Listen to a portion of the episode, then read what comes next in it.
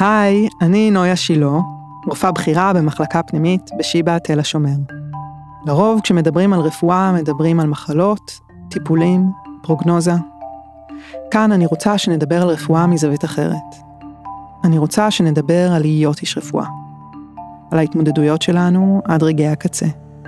על איך מקבלים החלטות ואיך ממשיכים מטעויות, וגם על התרוממות הרוח, החיבור האנושי, רגעי האושר והחסד.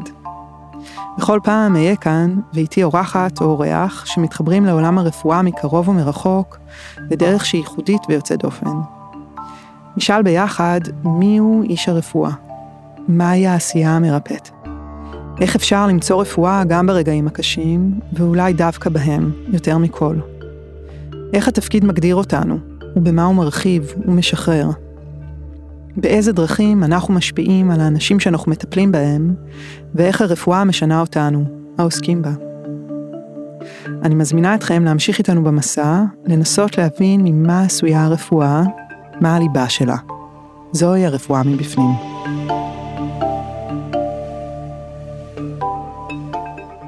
והיום האורחת שלי היא דוקטור אילנה הלמן. היי אילנה. היי נויה, איזה כיף להיות פה. איזה כיף. המטולוגית בכירה בבית חולים מאיר, ואשת חינוך רפואי, גם במאיר וגם בחוג לחינוך רפואי באוניברסיטת תל אביב, בית ספר לרפואה.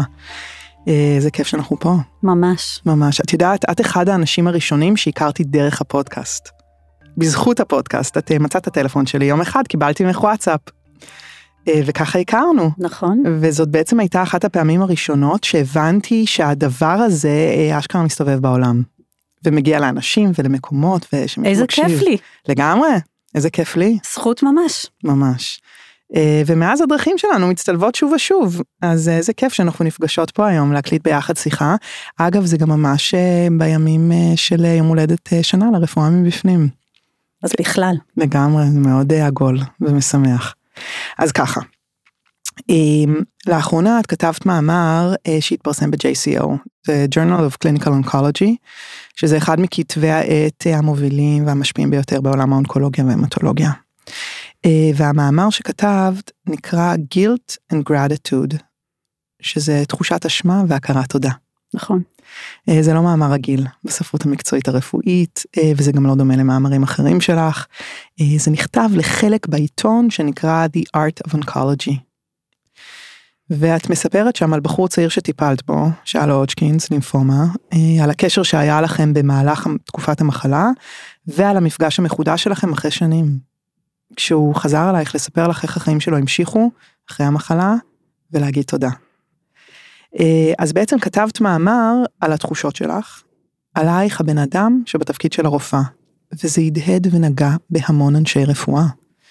קיבלת המון תגובות, וגם תשומת לב מהעיתון עצמו, וגם בי הסיפור שאת מספרת והאופן שבו את מספרת אותו, עורר המון מחשבה ולב.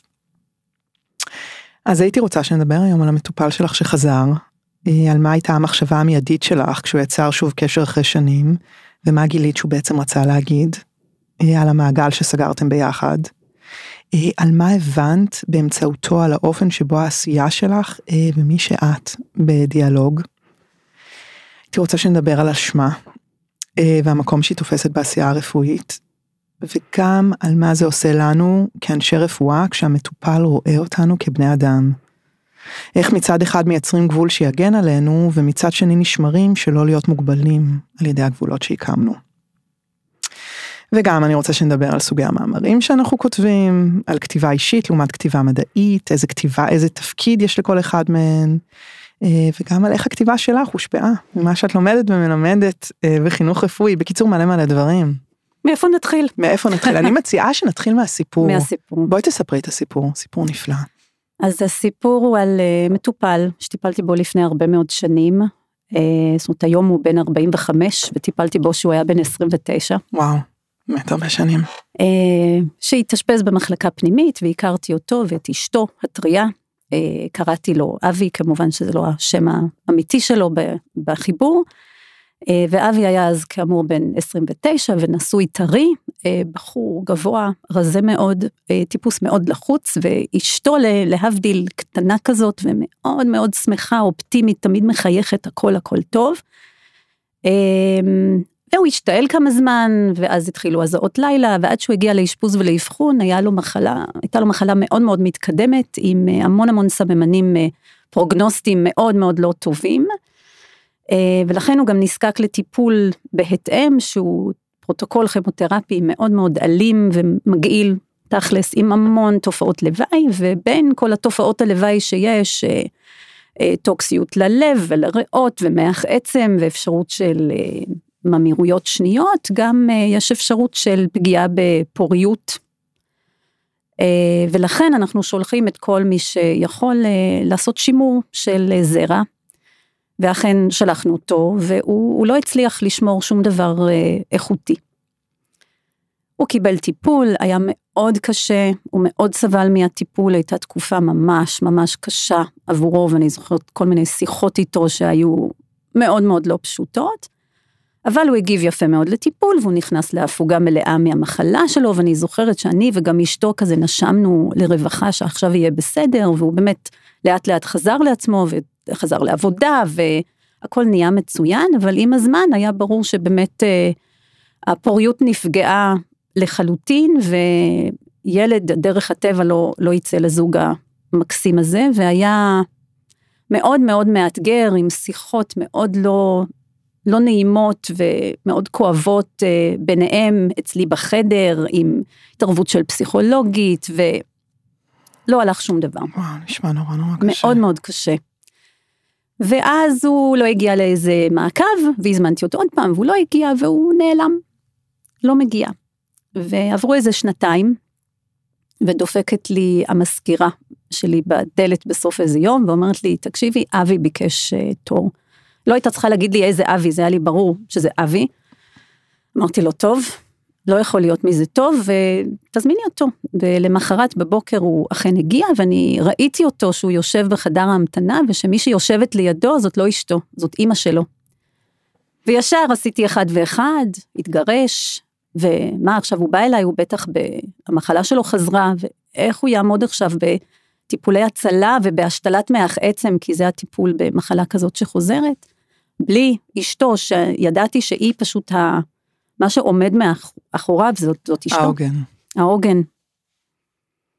טוב, קראתי לו לחדר, הוא נכנס, הוא השאיר את אימא שלו בחוץ, והוא נכנס לחדר, והוא נראה נפלא, פשוט נפלא.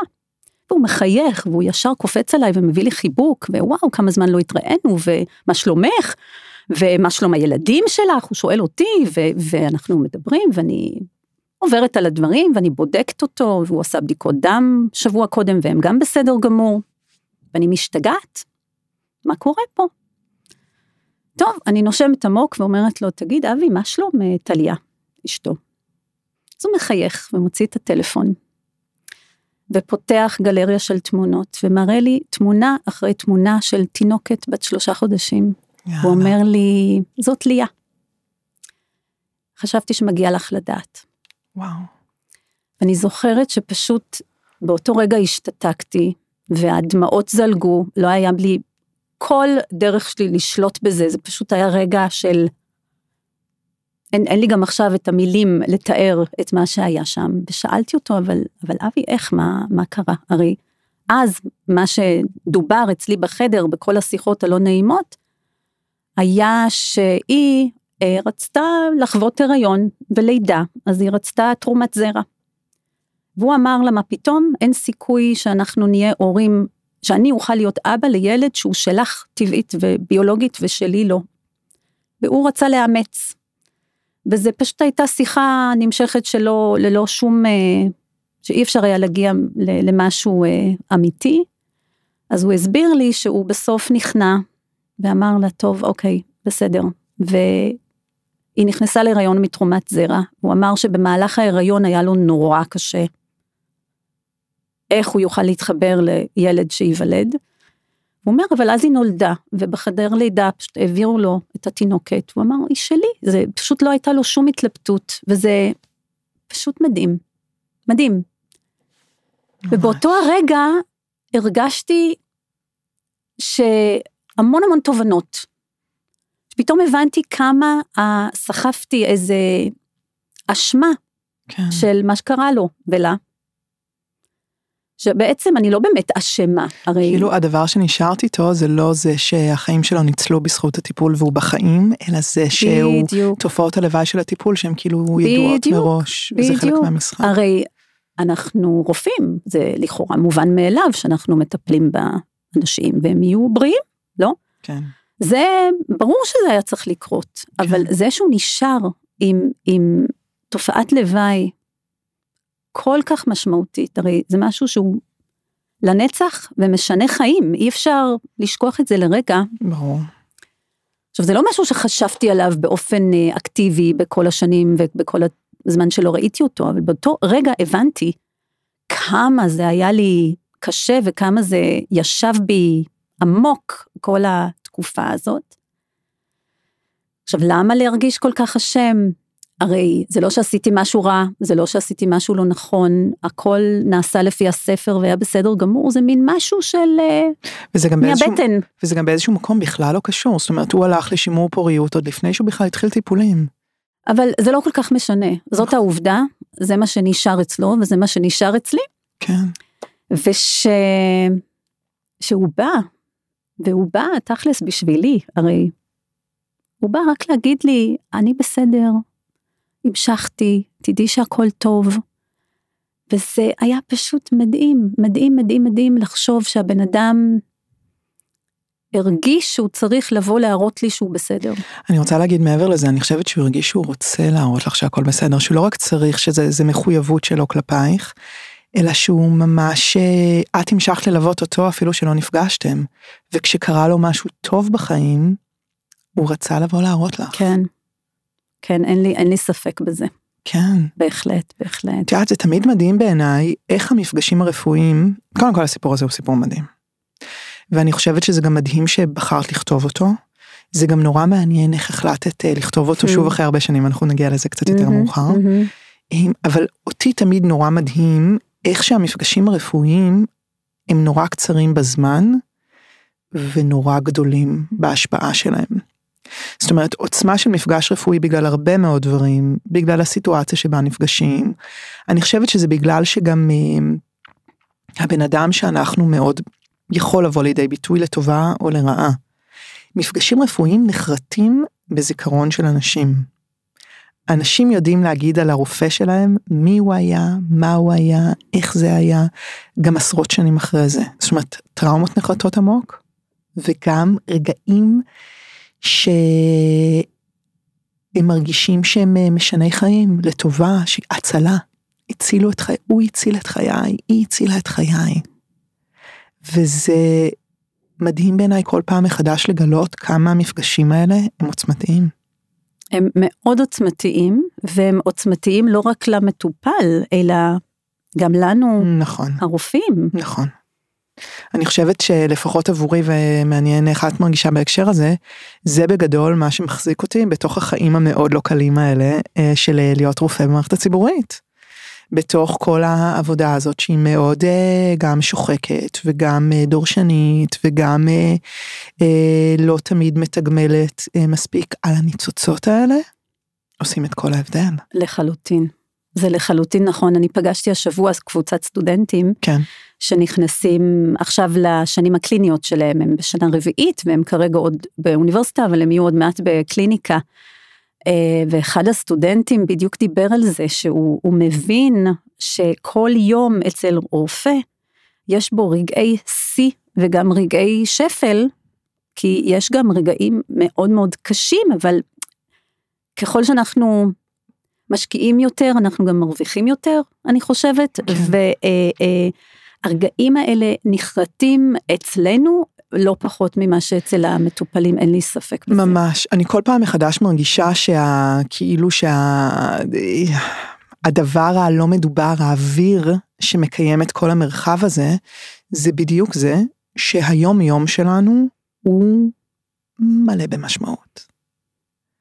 וכשאני זוכרת את הדבר הזה, אז אני בעצם מבינה כמה יש לי זכות להיות בתוך המקום הזה, שאני כל הזמן יש לי הזדמנות לגעת בדבר הזה של מה המשמעות שאני פה, מה המשמעות של מה שאני עושה, איזה משמעות אני מוסיפה לחיים של אנשים, וכשאנחנו מסתכלים על כל הדברים המדידים האלה, מדידים, את יודעת, מה אה, המשכורת, מה האימפקט פקטור, מה הדברים מהסטטיסטיקה, מה הדברים שאפשר למדוד, אז אנחנו לחלוטין מזניחים את הדברים שאי אפשר למדוד, אבל זה לא הופך אותם ללא אמיתיים. מהמם.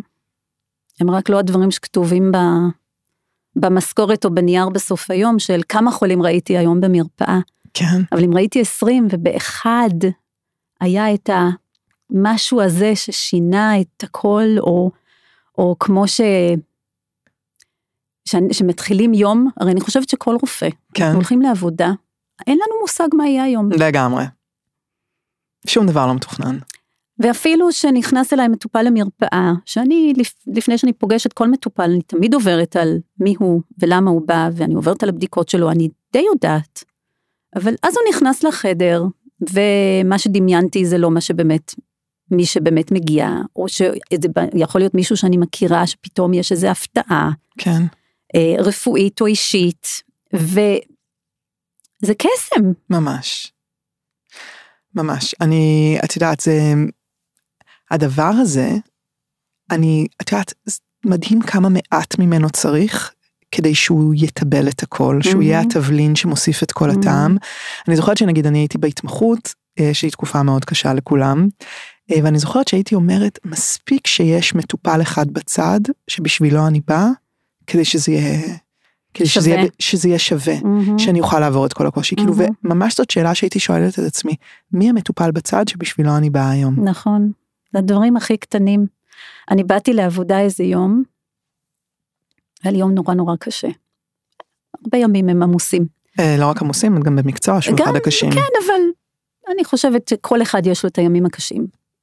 וירדתי במדרגות והיה זוג אה, מבוגר, הוא בפיג'מה של בית חולים, מהמם, והיא אנשים בגיל ה-80, אוקיי, אה, והפיג'מה שהוא לובש של בית החולים, את יודעת, אנחנו תמיד צוחקים שלפיג'מות יש שני גדלים, קטן מדי וגדול מדי, וואי לגמרי.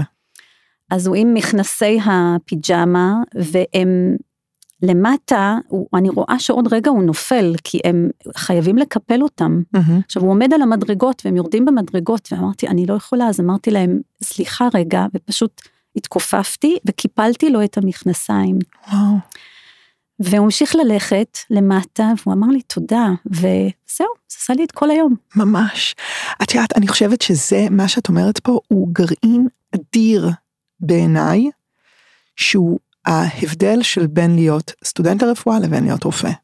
כי כשאתה סטודנט לרפואה, כשאני הייתי סטודנט לרפואה, כאילו מדדתי את הדברים בהאם זה יהיה ראוי מבחינה רפואית, Hmm. האם זה יהיה שווה מבחינה רפואית, שמה עומד בפני הדבר הזה, האם אני אעשה את ההבחנה, האם אני אתן את הטיפול, האם אני אעשה את הדבר שכתוב בספר.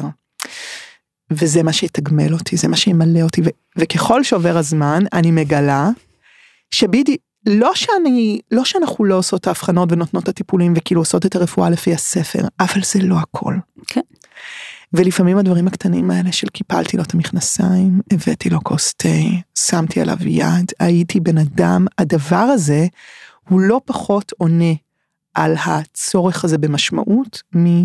עשיתי את ההבחנה, נתתי את הטיפול, כתבתי את המכתב. לגמרי. אבל אני חושבת שזה גם משהו שבא עם השנים, כן, כי לוקח הרבה זמן להגיע למקום שרופא הוא בטוח בעשיתי את ההבחנה ונתתי את הטיפול ולהיות יותר פנוי, אני נכון. חושבת, לצדדים האלה שעליהם את מדברת. ולהרגיש שזה לא פחיתות כבוד. כן. אני רוצה להגיד שאני מרגישה שלוקח שנים לא להגיע, אלא לוקח שנים לחזור. כי זה Mm. מחזיר אותנו כן, לדבר. המאוד מאוד בסיסי בסיסי, שקיים ושל בכולם. הצורך ב- של כולם. נכון. את יודעת לרייצ'ל רמן יש את הקורס הזה שלה The Healer's מהמם. Art. אני מכירה אותו טוב. כן, כן. וואי, אין על רייצ'ל. אז uh, יש לה שם קטע בקורס הזה, שזה מה הקורס הזה? הקורס הזה הוא בעצם קורס של חמישה מפגשים, שלוש שעות, שעושים אותו באוניברסיטאות בכל העולם, שהמטרה שלו הוא לחבר את אנשי הרפואה ללב של העשייה הרפואית. והיא עושה את זה שם עם כל מיני תרגילים מאוד מאוד מעניינים, ואחד התרגילים שהיא שואלת, שאני אעשה לך אותו רגע, אה, הוא מתי גילית לראשונה שמאוד אכפת לך לעומק מחיים של משהו אחר. זה יכול להיות בן אדם, בעל חיים, צמח. מתי את זוכרת לראשונה שגילית את זה על עצמך? כלב. כלב, בטח, ובאיזה גיל זה היה? אה, היה לי כלב תחש. שהביאו אליי הביתה שהייתי בת שש, הייתי בכיתה א'. אה, והוא היה שלי, הוא הפך להיות שלי, הוא ישן איתי במיטה, כן, איך קראו לו? קראו לו מיקי. אמ, אני דרום אפריקאית במקור ואני למדתי שם רפואה ושם אין צבא אז אה, אמ, הוא נפטר כשהייתי בת 22 וואו. והייתי הייתי בשנה חמישית לבית ספר לרפואה. וואו. אמ, הוא עשה אה, אירוע מוחי והייתה לו חולשת פלא גוף ולא זה היה ממש אה, עצוב וקשה ובבוקר ש- שההורים שלי לקחו אותו לווטרינר כדי להרדים אותו אני נסעתי נפרדתי ממנו ונסעתי לבית חולים כדי להיבחן. בעל פה במבחן סוף סבב בגינקולוגיה. אוי אוי אוי. ואני. זוכרת, זה היה עיתוי מושלם, ואני זוכרת שעמדתי מול אה, שתי בוחנות, פשוט בכיתי בלי הפסקה, ואיכשהו עברתי את המבחן, וזה היה רגע מכונן. ממש. את יודעת, אני זוכרת שאני שאלתי את עצמי את השאלה הזאת, והתשובות האלה לא באות בקלות. זה, זה כאילו, זה מין זיכרונות, חלק מהאנשים מאוד ברור להם, חלק מהאנשים זה זיכרונות נורא נורא קדומים.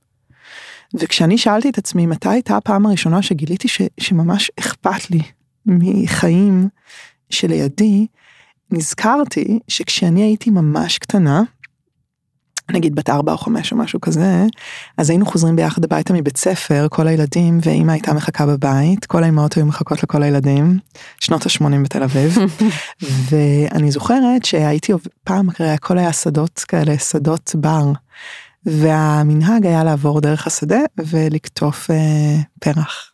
להכין לאמא זר פרחים מסביונים ומחרציות. אידיליה. ממש ככה זה היה פעם ואני ממש זוכרת זה היה הטקס הקבוע שלנו אמא שלי הייתה מחכה לי בבית והיה לה אגרטל זכוכית כזה קטנטן. והיא הייתה שמה את הפרחים שהכנתי לה ומניחה אותם על עדן החלון. עד היום הבא ככה כל יום היינו עושות. מקסים. כן ואני זוכרת שהייתי עוברת דרך המקום הזה שהיינו קוראים לו ההר הגבוה. היום אני עוברת שם זה כאילו גבעה שאני עושה אותה בשני צעדים אבל היינו קוראים לזה ההר הגבוה.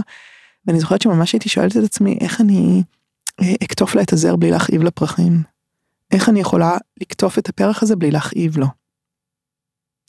וזה זיכרונות כאלה את יודעת נורא נורא מוקדמים. אבל שהם בעצם מדברים על זה שהרבה אנשי רפואה מרגישים בתוכם שזה משהו שהיה קיים בהם. הם נולדו עם זה, הם לא בחרו את זה, אלא הם חזרו לזה. וכשאנחנו לוקחים רגעים כאלה שאת אומרת אני לא יכולה לתת לו ליפול במדרגות, אני חייבת Mm. לקפל לו את המכנסיים, Mm. או אני לא יכולה שלא לחשוב על איך המעשה שלי השפיע עליו ושינה לו את כל החיים, ו- ואיך זה ייצב את החיים שלו אחרת, ו- ואיך זה משפיע על הזוגיות שלו. כן. הדברים האלה הם רגעים שאני חושבת, אני קוראת להם רגעי זכרות. אנחנו נזכ... נזכרים מהמם. בדבר הזה Mhm. שטבוע בתוכנו.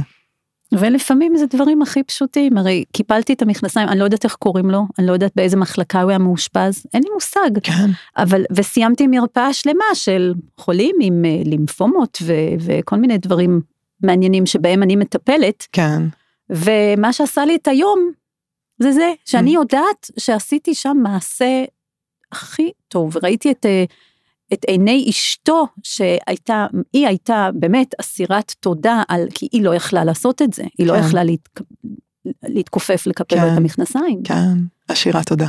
כן. כן. תגידי רגע, אני רוצה שנייה לדבר איתך בעצם על שני הצדדים של הדבר הזה. דיברנו על האשמה, אני רוצה גם לדבר על הכרת התודה. זאת אומרת, בא מטופל וראה אותך בתור בן אדם, מהמם, שאל אותך מה שלומך, מה שלום הילדים Mhm. שלך, אני רוצה להראות לך את התינוקת. שלי. מה זה בשבילך כשבא אלייך מטופל ורואה אותך כבן אדם ובא להגיד תודה? אז זהו, אז אה, הרי אמרנו שנדבר אחר כך על הכתיבה ולמה כתבתי את זה ומה, אז, אז זה מין אה, משהו שאני חושבת ש... אני מנסה לחשוב כל הזמן מה לימדו אותי שהייתי סטודנטית לרפואה. וגם בהמשך ועד היום. תראי את המטופל, תחשבי מה הוא חושב, תנסי לשמוע את זה מאוזניים שלו, תדברי במילים שהוא יבין, תרגישי את מה שהוא מרגיש. שזה כמובן חשוב ביותר ומאוד מאוד מאוד חשוב להיות שם בשביל המטופל.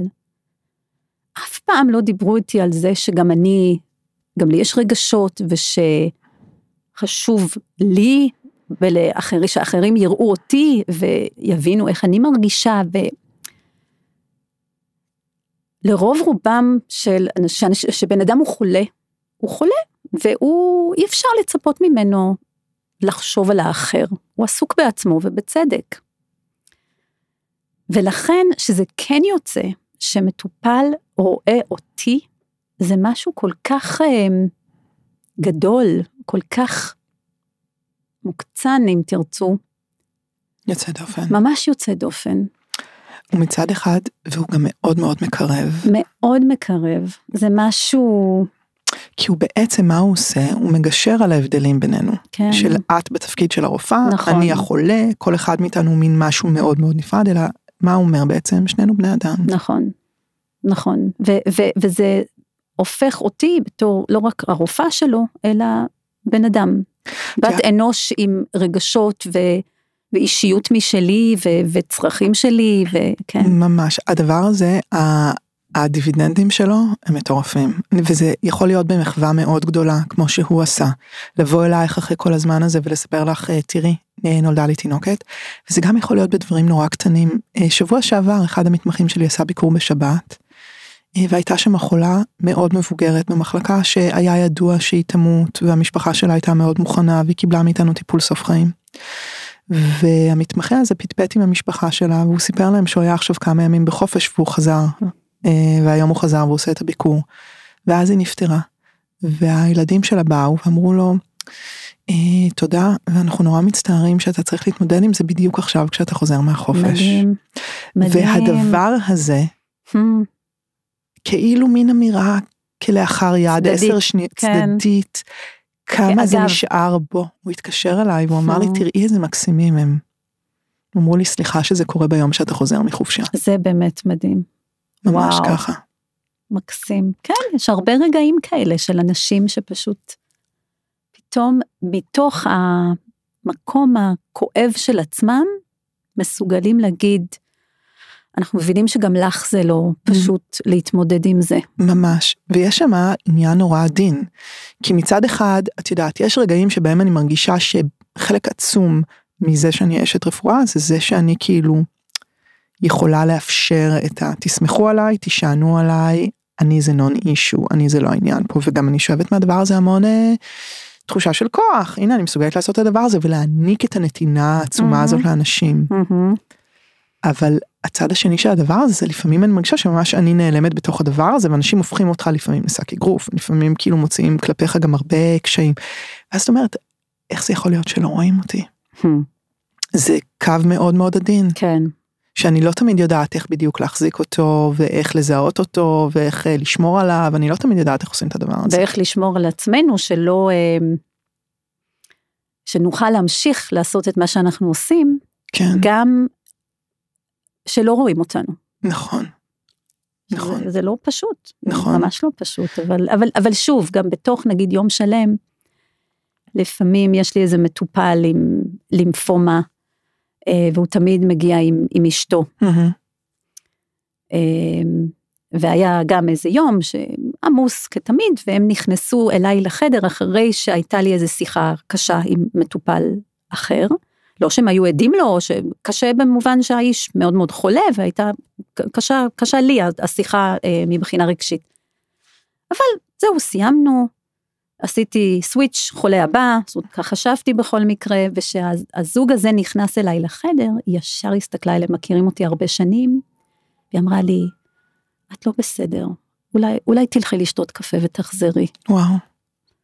את, את מה קרה? את, את לא בטוב, משהו כזה. וזה כל כך נגעה בי, שהיא... כן. וגם אנחנו, כנראה שלפעמים זה בכל זאת כתוב לנו על, ה, כן. על הפנים, מה הרי, שאנחנו... הרי אנחנו לא באמת יכולים להיות רק התפקיד ולא ולא. הבן אדם שעושה אותו וגם האנשים רוצים שנהיה הבן אדם ולא התפקיד. נכון, הם רוצים אותך בתור הרופאה נכון. ולא המטולוג הם מהמם. רוצים מישהו ספציפי והם מהמם. באמת מאוד אה, אה, לא רוצה להגיד נצמדים אבל דבקים ברופא שהיה הבן אדם שהם רוצים שיטפל בהם כן, חוזרים שוב ושוב זה לחלוטין נכון. נכון. ממש ככה. אמ, את יודעת, יש משפט כזה, את אומרת, אני חושבת שהעניין הוא שכולנו בתור בני אדם יש לנו צורך שיראו אותנו. וזה ממש, יש ציטוט נורא נורא יפה. אה, שרציתי להקריא על הדבר הזה שהוא בדיוק זה אליזבת גילברט את מכירה אותה גם אני חושבת שציטטתי אותה כבר בפודקאסט כי היא כזאת אה, סופרת מדהימה. אז היא אומרת to be fully seen by somebody then and be loved anyhow Hmm. this is a human offering that can border on miraculous. Mm. זאת אומרת כשמישהו רואה אותי באמת וגם אוהב אותי באיזשהו אופן זאת מחווה אנושית שגובלת בנס. נס. למה היא גובלת בנס? כי היא. מייצרת שינוי יש מאין. מהמם. עצם זה שראו אותי. כן. לא, והיא גם לפ... בציטוט היא אומרת בעצם שבאמת רואה אותי, ולמרות כל מה שהוא רואה, הוא, הוא אוהב אותי. את יודעת, אני אומרת, הוא באמת רואה אותי ובגלל כל מה שהוא Mhm. רואה. יש לי חברה שאומרת שאנחנו אוהבים את האהובים שלנו, אה, לא בגלל החסרונות, או לא בגלל ה-shortcomings שלהם, אלא בזכותם. Hmm. בדיוק הדברים האלה, בגללם אנחנו אוהבים אותם. כן. אמ, hmm, בואי נדבר קצת על סגירת מעגלים, כי זה מה שהוא עשה בעצם, הוא בא לסגור איתך מעגל. מה זה לסגור מעגל? Hmm. מטופל אחרי הרבה זמן ככה. אה, סגירת מעגלים, כן, אז אצלי במה שאני עושה, אה, החולים שלי נפטרים גם, כן, כן, המטולוגיה זה מקצוע אה, מאוד אה, דורשני מבחינה רגשית. כן, כן, כן. זאת אומרת, יש את השיאים האלה ויש גם... עכשיו, אני, אני אישית גם מאוד מאוד מתחברת לליווי של מטופל שהוא גם בדרך אל המוות. אה, זה לא פחות חשוב, זה גם לא פחות מתגמל לי כן, אה, מללוות מטופל שהוא, שדרך, הדרך היא לכוונת ריפוי. זה לא כישלון, אני חושבת שזה כן, framing מאוד נכון. נכון, כאילו נכון. להגיד זה לא חולה נרפא הצלחתי, חולה מת נכשלתי. לא. אני, אני, לקח לי שנים להגיע למסקנה הזאת, אבל אני לח- לחלוטין מסכימה. אמ, והליווי הזה של חולה ושל משפחה לפני המוות הוא, הוא משהו מאוד, מאוד מיוחד. כן, במיוחד אצ, אצלנו במקצוע, כי זה גם מטופלים שאנחנו מלווים אותם המון, הרבה פעמים שנים. יש לי מטופלים שאני מכירה עשר שנים, חמש עשרה שנה. ממש עושים תהליך ביחד.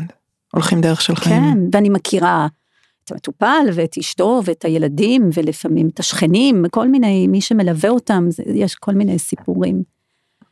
אמ, אז תמיד אחר כך, כשחולה נפטר, יש את השאלה הזאת, גם סטודנטים שואלים אותי, גם מתמחים שואלים אותי תמיד, אז תגידי, את הולכת ללוויות? את הולכת? לשבעות? את הולכת? אז אה, אין לי תשובה אחת. אני אבל יצא לך לעשות את זה. אז זהו, אז אני נוטה לא ללכת ללוויות, אני הולכת לשבעות. אה, באותו מובן אני גם לא הולכת, נגיד, מזמינים אותי לחתונות מהמם. ולבריתות מהמם. ולבר מצוות, ויש לי, לי נראה שהם לא צריכים לראות את הרופאה שלהם דווקא בחתונה ובברית, ו... כן, זאת, אה, וגם בלוויה אני מרגישה פחות אה, שזה המקום. אה, אני כן הולכת לשבעות, אה, לא לכל אחד כמובן, אבל יש כאלה שאני הולכת לשבעות וזה זה סגירה ב, מאוד מאוד סוגר לי מעגלים, אני חושבת שגם להם, אבל לי זה מאוד סוגר, ואוי, היה לי מטופל, פתאום נזכרתי במשהו שלא חשבתי עליו הרבה זמן. שמה? היה לי מטופל אה, חקלאי, מהמם. אה, כן. עם דיר של כבשים. וואו. אה, הוא היה איש בן 70, גר באיזה מושב באזור השרון, אה, עם מיאלומה. הרבה שנים, הכרתי אותו הרבה שנים, את אשתו ואת ארבעת ילדיו, אנשים מדהימים, גם הוא איש נשמע כזה מלח הארץ. משהו, משהו, משהו, והוא היה מגיע לטיפולים במיאלומה באשפוז יום שלנו, ומתאר לי איך הבוקר הייתה אה, המלטה. ואיך הוא הוציא אחד, ואז עוד אחד, ועם הידיים, והוא מסביר לי איך בדיוק זה קרה. ועם הנגעים בעצמות של חולי המיאלומה, הייתי מקבלת תמונות מאשתו שהוא מתקן אה, רעפים בגג של וואו. הבית. והיה שם משהו מאוד תיאורי, כל פעם לגבי הבית, הילדים, המשק. ממש יכולת אה, לדמיין את זה. שממש יכולתי לדמיין את זה. אה, וכאמור, ליווי מאוד מאוד צמוד ושל הרבה מאוד שנים, אה, המון טיפולים, המון אשפוזים, המון אה, רגעי שיא ושפל איתו, והוא נפטר.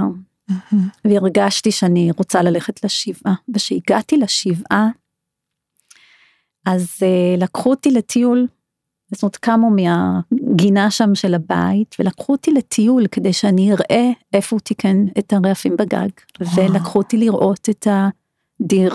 זה- המרעה. זה- זאת אומרת, אני זוכרת את זה, זה, אני רואה את התמונות עד היום, וואו. בצורה מאוד משהו, ו, ו, וזה סוגר את זה, זה משהו שהוא, אה, שאחר כך אני, אני לא צריכה לחשוב, לא דיברתי איתה, כן דיברתי איתה, זה, זה, אז, אז אני, ככה אני אוהבת לסגור מעגלים. כן, כן. את יודעת, יש עניין ממש גדול שאנחנו רואים אנשים, את עוד מלווה אנשים להרבה זמן. Mm, אני רואה אנשים הרבה פעמים באינטרוולים, כן. או אני רואה איזה פיסה מאוד קטנה כן. מהחיים שלהם. את יודעת, זה לא מיון, אבל עדיין.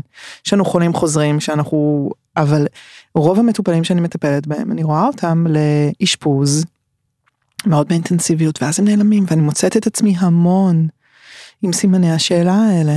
המון המון המון, ואני חושבת שאי אפשר באמת אה, כל היום רק לנסות לרדוף אה, במערכת, להבין מה קרה למטופל הזה ומה קרה למטופל. ההוא, אבל זה ממש סימן שאלה שנשאר אצלנו, ואני חושבת שכשיש הזדמנות לסגור מעגל, אה, שווה לעשות את זה, להשקיע בזה. אני רואה גם אנשים, אני נגיד כל מיני אנשים שטיפלנו בהם ונפטרו אצלנו במחלקה, אני לא כל כך, היו פעמים שהלכתי ללוויות ולשבעות, אבל לא הרבה. אני מתקשרת אליהם. אני משתדלת לחכות כמה ימים אחרי השבעה, ואז אני מתקשרת אליהם, אה, ואני מציגה את עצמי. אה, תמיד עדיין יש לי את החשש רגע לפני, זה מתאים, זה לא מתאים, כאילו אני נופלת עליהם. אבל לא קרה לי שהשיחה הזאת אה, לא נגמרה בהתרגשות מאוד גדולה, ובאמת בתחושה פנימית של הנה סגרתי את המעגל. וזה עשה להם טוב, וזה עשה לך טוב. כן. כי באמת דברים שנסגרים אפשר להניח אותם נכון, במקום, בדיוק. לאפסן אותם שאפשר- באיזה אפשר ארכיון, בדיוק, אפשר לשחרר אותם. לשחרר אותם, בדיוק. זה לא ממשיך לרדוף אחריי, אלא הנה, הדבר הזה היה ונשלם וממשיכים. נכון, נכון, זה הדרך לאבד. כן. אה, מה את אומרת? נדבר קצת על איך התגלגלת אחרי כל השנים האלה פתאום לכתוב את לכתוב. ה... לכתוב ולשלוח לפרסום ואיך זה היה ומה, תספרי קצת מה היה שם. בכלל על הכתיבה, אני חושבת שזה גילוי שהוא... אה, בואי נדבר, גם את כתבנית פתקים, נכון? כן, כן, משהו כזה. זאת אומרת, אני, את יודעת, כל ה... אני... אמ, יש איזה ציטוט, משהו, איזה בלוג שקראתי, משהו של... אני אפילו לא זוכרת איפה מצאתי את זה, באיזה קבוצת פייסבוק ברפואה פליאטיבית, משהו אונקולוג אמריקאי. אוקיי. שכתב מין פיסה קטנה שהוא כותב, אה, הרי אני לא מצטטת בדיוק, אבל הוא כותב משהו כזה, על היום שלו בתור אונקולוג. אוקיי. אז הוא אומר, אמ, בחדר הראשון הסברתי למטופל שאין לנו כבר טיפול אקטיבי להציע. אוקיי. בחדר השני חגגתי עם המטופלת על פט סיטי תקין. בחדר השלישי החזקתי את היד של אשתו של המטופל שכבר מורדם ועוד מעט אה, יפסיק לנשום. ובערב הלכתי הביתה, אכלתי ארוחת ערב ושאלתי את הילדים שלי איך היה במשחק הכדורגל היום. כן. וזה זה נורא נשאר בי הדבר הזה, וזה, זה, אלה הימים שלנו. ממש, הפערים האלה שלפעמים את אומרת, זה כל כך קיצוני ושונה, שכאילו איך זה יישבר באמצע. בגבול, הם בגבול ההזוי. כן. זה לא הגיוני. זה לא הגיוני. שזה, אוקיי. עכשיו, גם בלי הקטע של להגיע הביתה ולדבר על משחק כדורגל, שאני אלופה בזה, כן. אמ, במשך היום, זה שאני רואה משהו, איזה מטופל, ואני יוצאת מאותו, או אני לא יוצאת, הוא יוצא מהחדר שלי, אני מזמינה את החולה הבא, ואין לי אפילו דקה לחשוב מה היה פה עכשיו, ויש לי כל מיני שיחות מאוד קשות ומשמעותיות, ואני צריכה לעשות סוויץ' מרגע לרגע למטופל הבא. אין לנו זמן לחשוב. לאבד. זה איך זה מחובר זה לכתיבה. לחשוב ולאבד. לאבד. זה שמתישהו, אי שם, אני לא יודעת, התחלתי פה ושם לכתוב מחשבות, דברים שרציתי קצת ככה, קצת לזכור אותם בהמשך, אז תוך כדי, בסוף היום, משהו בקטנה, עוד לפני שהיה לי טלפון, כי לא תמיד היו טלפונים. נכון.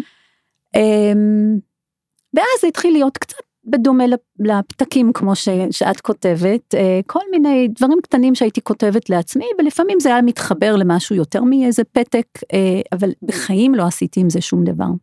הראת את זה למישהו? לא, לא הראת את זה לאף אחד? אף פעם. גם לא לבעל שלך הרופא? לא. וואו.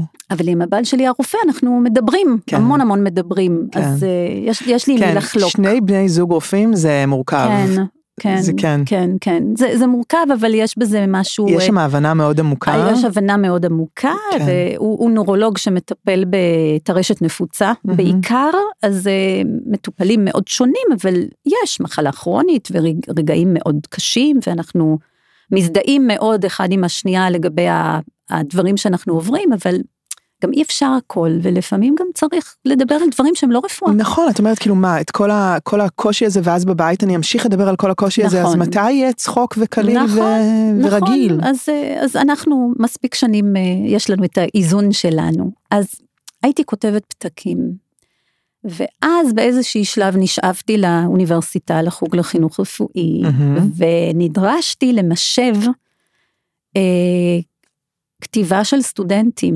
יומנים רפלקטיביים. שהסטודנטים כותבים יומנים רפלקטיביים אה, ונרטיביים, אז אה, יומן רפלקטיבי זה סוג של חיבור שכותבים על חוויה, מהמם.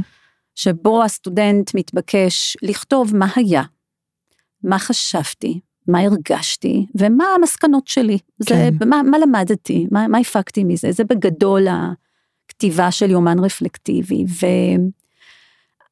לא כל סטודנט מתחבר לזה, חלק מאוד אוהבים את הכתיבה, חלק מאוד לא מתחברים, אבל יש בזה משהו שהוא בעיניי הכרחי בתור אה, איש רפואה. לחשוב רגע מה ראיתי, מה חשבתי, מה הרגשתי ומה למדתי מזה, גם בלי, בלי קטע של לכתוב, אבל כשיושבים לכתוב את זה, עולים דברים שלא עולים אם אתה לא לוקח את הזמן. אז מתישהו אמרתי כי לעצמי, כתיבה מאטה את המחשבה. לחלוטין, זה הקטע, זה פשוט שינוי קצב. באמת לחשוב, כן. לא רק אה, לעבור הלאה, ויש גם משהו נורא חזק בלקרוא את הדברים שכתבתי. בדיוק, שזה על הנייר או במחשב, אז אתה גם חוזר לזה, כן. ו... או פתאום מגלה את זה, כמו שאני גיליתי את זה שנים אחרי. אמ, אז הייתה לי איזה אה, משהו לא נעים בתחושה שלי, שאנחנו, אני דורשת מסטודנטים לכתוב ככה, ואני לא כותבת בעצמי. אמ, ולכן קצת התחלתי לכתוב יותר לעומק אה, ויותר בסגנון כזה, אה, סוג של יומנים רפלקטיביים ונרטיביים, ו... והדבר הזה שכתבתי על אבי, אה, כתבתי אותו אי שם שראיתי אותו, אה, ש, שהוא בא אליי אז להראות לי את התמונות של ליה התינוקת, אה, זה היה לפני עשר שנים. וואו. זאת אומרת, אני יודעת בדיוק, כי בעקבות ה, ה, הפרסום של המאמר, אה, דיברתי איתו והוא בא אליי, והוא הביא לי תמונות שלה שהיא היום ילדה בכיתה ה', וואו. אז לכן אני יודעת בדיוק. בכל מקרה, אני את כל החיבורים האלה שאני כותבת, אני שמה איפשהו בתיקיות במחשב, גם לא, לא כולם מחוברים, אני מאוד לא מסודרת. Hmm. אה, ויום אחד התקשרו אליי עם אנשי המחשב מהמחשוב של הבית חולים, להגיד Mhm. לי, תקשיבי, יש לך מחשב נורא ישן, אנחנו עושים קצת אה, סדר. אה, בשעה הקרובה אנחנו באים להחליף לך מחשב, ויש לך על ה desktop המון שטויות, את חייבת לסדר כי זה יאבד לך. זה וזה וזה, הוא מראה לי, את יודעת, הם עולים כן. לך על המחשב. וברגע פשוט הוא, הוא עשה לי תיקייה והכניס לי את כל השטויות לתיקייה, ובסוף היום פתחתי את התיקייה כדי לראות, טוב, מה יש לי פה? וגיליתי את החיבור הזה, שכתבתי אותו עד בערך לרגע שהוא בא.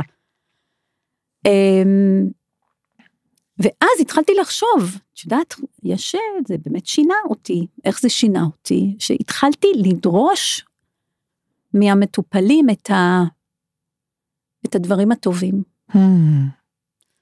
אז uh, היום, היום, וחשבתי על זה, אני באמת עושה את זה, זה, זה לא עשיתי את זה במודע, זה בתת מודע, אבל אני באמת עושה את זה לכל מטופל שאני נותנת לו את הטלפון או את המייל שלי. אני תמיד אומרת להם, תראו, אם יש משהו לא בסדר, לא, אתה לא מרגיש טוב, יש משהו שאתה רוצה לשאול, אז תכתוב לי. אבל אני בסוג של צחוק אומרת להם, אתם יודעים מה, רופאה צריכה עידוד גם. אז אם יש משהו טוב, תשלח לי. מדהים. וחשבתי על זה שנגיד בשבועות האחרונים מה היה לי, אז יש לי מטופלת אה, אה, מבוגרת עם לוקמיה, mm-hmm. אה, שהייתה מאושפזת במצב מאוד מאוד לא טוב, והיא אמרה לי, אני חולמת, חולמת על היום שאני אצא לאכול פיצה, mm-hmm. פיצה באיזה מקום מסוים, באיזה צומת, ליד איזה תחנת דלק, משהו כזה, אמרה לי, רק שם אני חייבת לאכול פיצה. ואמרתי לה, תקשיבי, ביום שאת אוכלת את הפיצה הזה, אני רוצה תמונה. Hmm. והיא אכן שלחה לי תמונה מדהים. של עצמה נוגסת בפיצה. וואו, את יודעת, נורא מעניין המילה אני דורשת מהם. למה? למה? כי כאילו יש בזה איזושהי... אה, כאילו תביעה, אבל מה זה לדרוש? תחשבי, זה אותו שור של דרישת שלום. Hmm. זה התעניינות נורא נורא עמוקה. נכון. זה לשאול שאלת עומק בבני אדם מתוך התעניינות מאוד גדולה. אני, אני... ואני, כאילו, את רוצה לראות אותם כבן אדם שלם. כן. הרי מה את אומרת? זה לא רק העידוד בשביל עצמך, אלא את רוצה בשבילם שהם יראו את הטוב בדיוק. ויראו לך אותו. בדיוק. כחלק מתהליך הריפוי שלהם. וגם אני, הרי חשבתי על, גם כשהשלמתי את החיבור, אמרתי לעצמי, וואו, איך זה יתקבל? אולי, אולי זה לא נכון, אולי זה, האם זה אגואיסטי מצידי בתור רופאה, להגיד להם, גם לי יש צורך ש, ש, שתתני לי עידוד. כן. זה, זה מין, לשים איזה אחריות על המטופל. כן. אבל חשבתי על המון המון המון מטופלים שאמרתי להם את המשפט הזה, ועל התמונות שקיבלתי, על המיילים שקיבלתי, על... אה, אמ, ולא היה פעם אחד שמישהו קיבל את זה אפילו בהפתעה, ובוודאי שלא בתחושה לא טובה, כן. הרי כולם תמיד מתלהבים מזה, וזה זה הופך אותי ליותר אה, אנושית. לגמרי. לבן אדם, לא רק הרופאה שכותבת את המרשם לכימותרפיה או מכוונת את התור לפט סיטי. אה, מה שהכי מדהים מכל הסיפור הזה זה ש...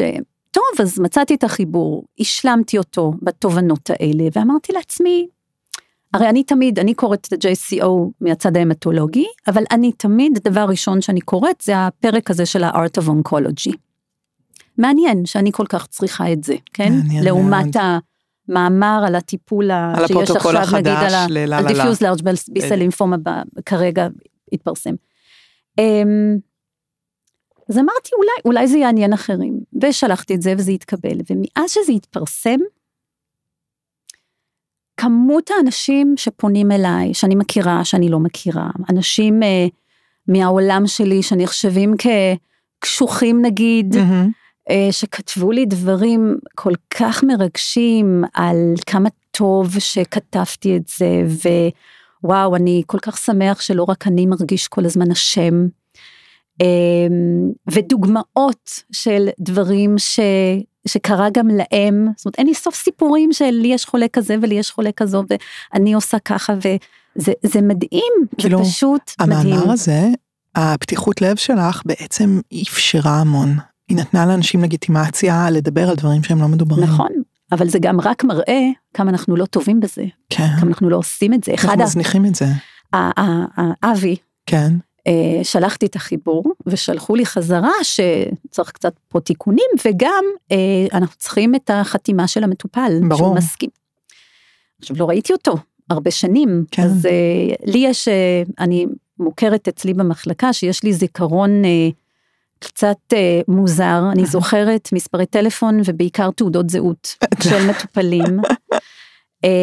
אז למרות העובדה שלא ראיתי אותו, אני ראיתי אותו פעם אחרונה אותו אצלי במשרד ב-2015, זכרתי את התעודת זהות. אז, לא נכון. כן, כן, יש לי הרבה כאלה. מה, אז, מה בעל הנוירולוג שלך אומר על ההפרעה הזאת? לא שאלתי אותו. אמ, אז נכנסתי ל... ל... זה, מצאתי את הטלפון שלו. את זכרת את התעודת זהות כן, שלו? כן, כן. יואו, זה לא אמיתי. אני יודעת להגיד לך גם עכשיו, אבל אני לא אגיד. יואו. אז uh, התקשרתי אליו. אוקיי. ואמרתי לו היי, וברגע שהוא שמע את הקול שלי הוא ידע שזו אני, ונורא התרגש לשמוע ממני, וה, ושאלתי אותו, אמרתי לו, תגיד, אבי, אתה זוכר את היום ההוא שבאת אליי? בטח שאני זוכר, אז אמרתי לו, אז תדע שכתבתי על זה משהו. אז הוא נורא התרגש, אני גרמתי לך לכתוב? אמרתי וואו. לו, כן. והסברתי לו מה קרה, ושזה הולך להתפרסם, אבל אמרתי לו, זה רק אם זה בסדר מצידך, ושלחתי לו, הוא תוך, למחרת שלח לי כבר אה, חתום, וקבענו להיפגש. אז הוא בא, אה, בכוונה נתתי לו תור, ב, אני חושבת שזה היה חול המועד סוכות, והיה לי קצת זמן, כי ישבנו שעה. וואו, אה, איזה סגירת מעגל. והיה מדהים.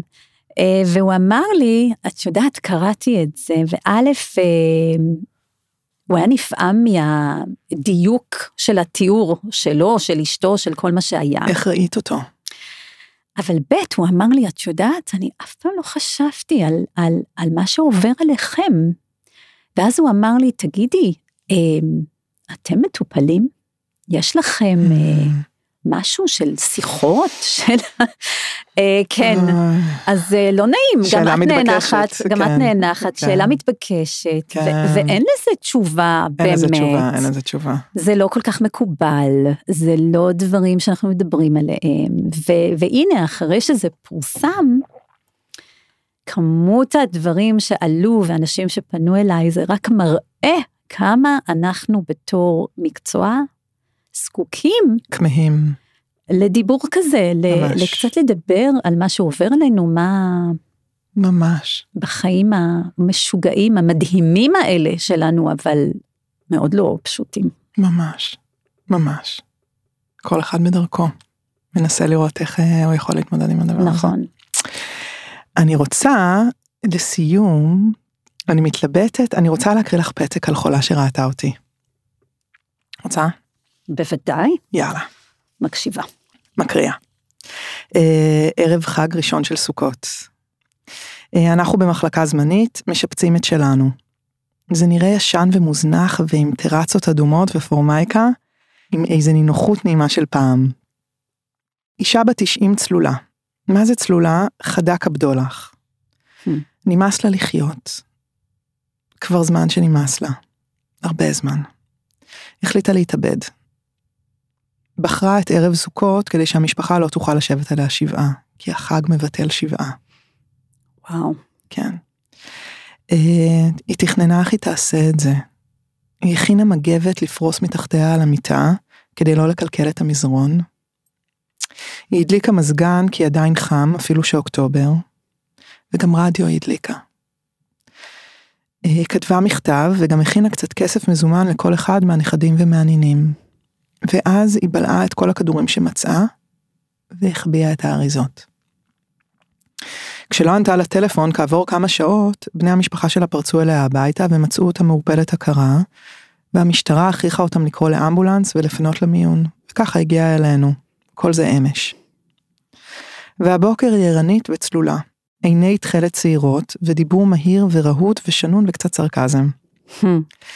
Hmm. מספרת שאין לה תיאבון וגם ירדה במשקל, אני שואלת אותה, עשית לזה ברור? והיא עונה לי בגילים כבר לא עושים אבחונים. ואפילו בדיקות דם היא מסרבת שניקח לה. היא מספרת לי שעלתה לארץ מאירופה כילדה עם משפחתה הגרעינית ישר לירושלים, ואיפה בעלה היה בצבא, ושיש לה נכדה בת יותר מחמישים ונינים שהקטן מהם בן שנה, וכולם סביבה ובאים לביקורים, ואפילו הקטנטן יודע איפה מגירה את הממתקים אצלה בבית, וגם לפתוח ולבדוק ולהגיד אין כשאין. ושבעלה נפטר, ושעד לא מזמן היא נהגה, וכמה היא אהבה לנהוג, ואת החופש שלה. ושהיא גרה לבד, כי בעיניה זה נורא לגור עם מטפל זר. אז אני שואלת אותה, מה את עושה כשמתחשק לך ספל תה? אז היא עונה לי בשאלה, מה את עושה כשמתחשק לך ספל תה? אני את אותו דבר. מקסימה. שואלת אותה, מה כואב? היא עונה לי, כואבת לי המדינה שלי, האהובה.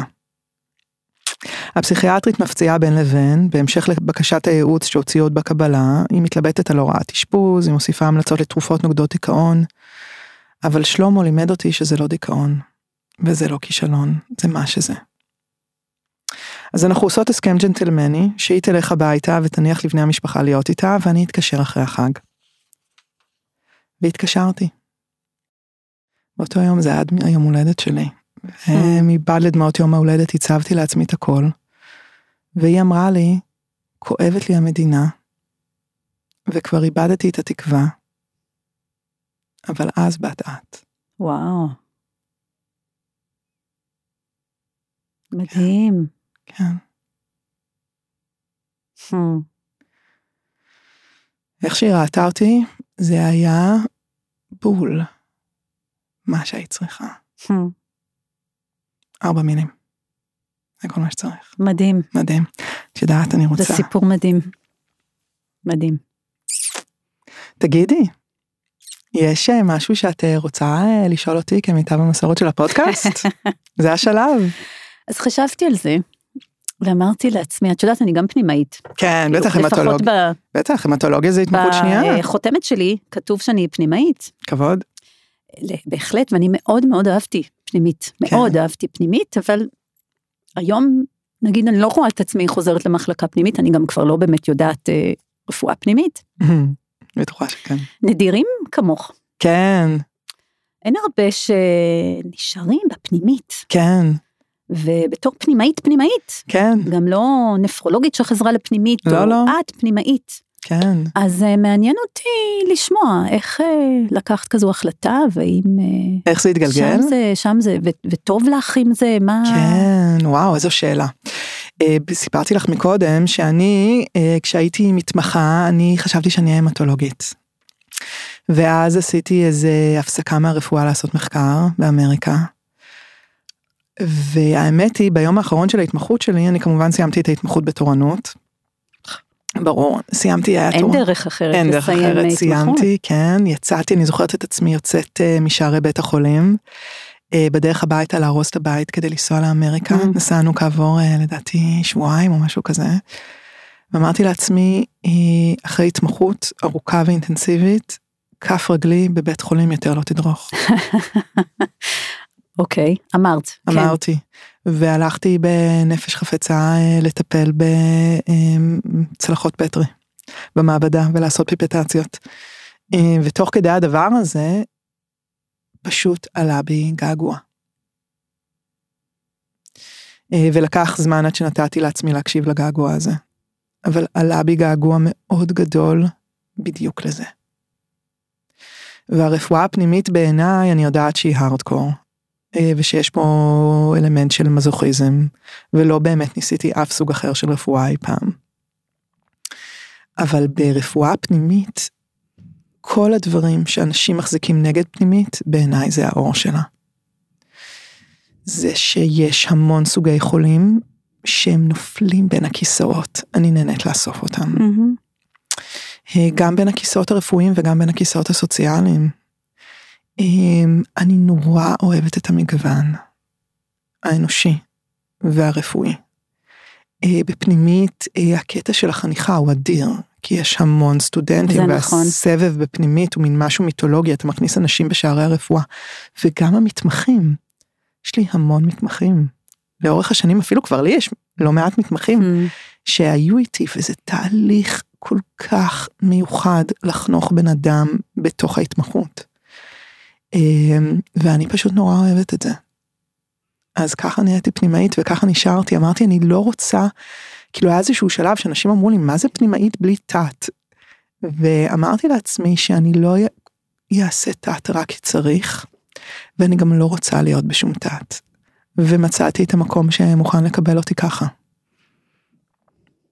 מדהים, כן, כן, איזה כן, כן, כיף. כן, כן, תמיד זה ארדקור, זה, את יודעת, זה טעם נרכש. זה לאנשים, לא, זה לא לבעלי לב חלש. אותי את לא צריכה לשכנע, אני באמת מאוד אהבתי את זה. היום אני לא חושבת שאני יכולה לחזור לזה, אבל אני, כן, אני, אני יכולה להתחבר לכל מה ש, כן, שאמרת. איזה כיף. אני רוצה לצ... לסיים, ברשותך, אה, עם ציטוט של אוסלר, סר אוסלר, ויליאם אוסלר, אה, שהוא אמר כזה דבר. אה, הוא אמר, אה, The practice of medicine is an art, not a trade. A calling, not a business. a calling in which your heart will be exercised with your head. זאת אומרת שמה שהוא אומר זה שלהיות איש רפואה זה אומנות, לא משלח יד. זה שליחות, לא עיסוק. זו קריאה פנימית שבה הלב נדרש באותה מידה כמו הראש. הרגש כמו השכל. ידע על מה הוא מדבר. אין מה להוסיף. אין מה להוסיף. אילנה הלמן. איזה כיף. איזה כיף, המון המון תודה. תודה לך. תודה שבאת לשחק איתי. נהניתי מאוד. גם אני. תודה רבה רבה רבה. תודה. תודה לך, נויה.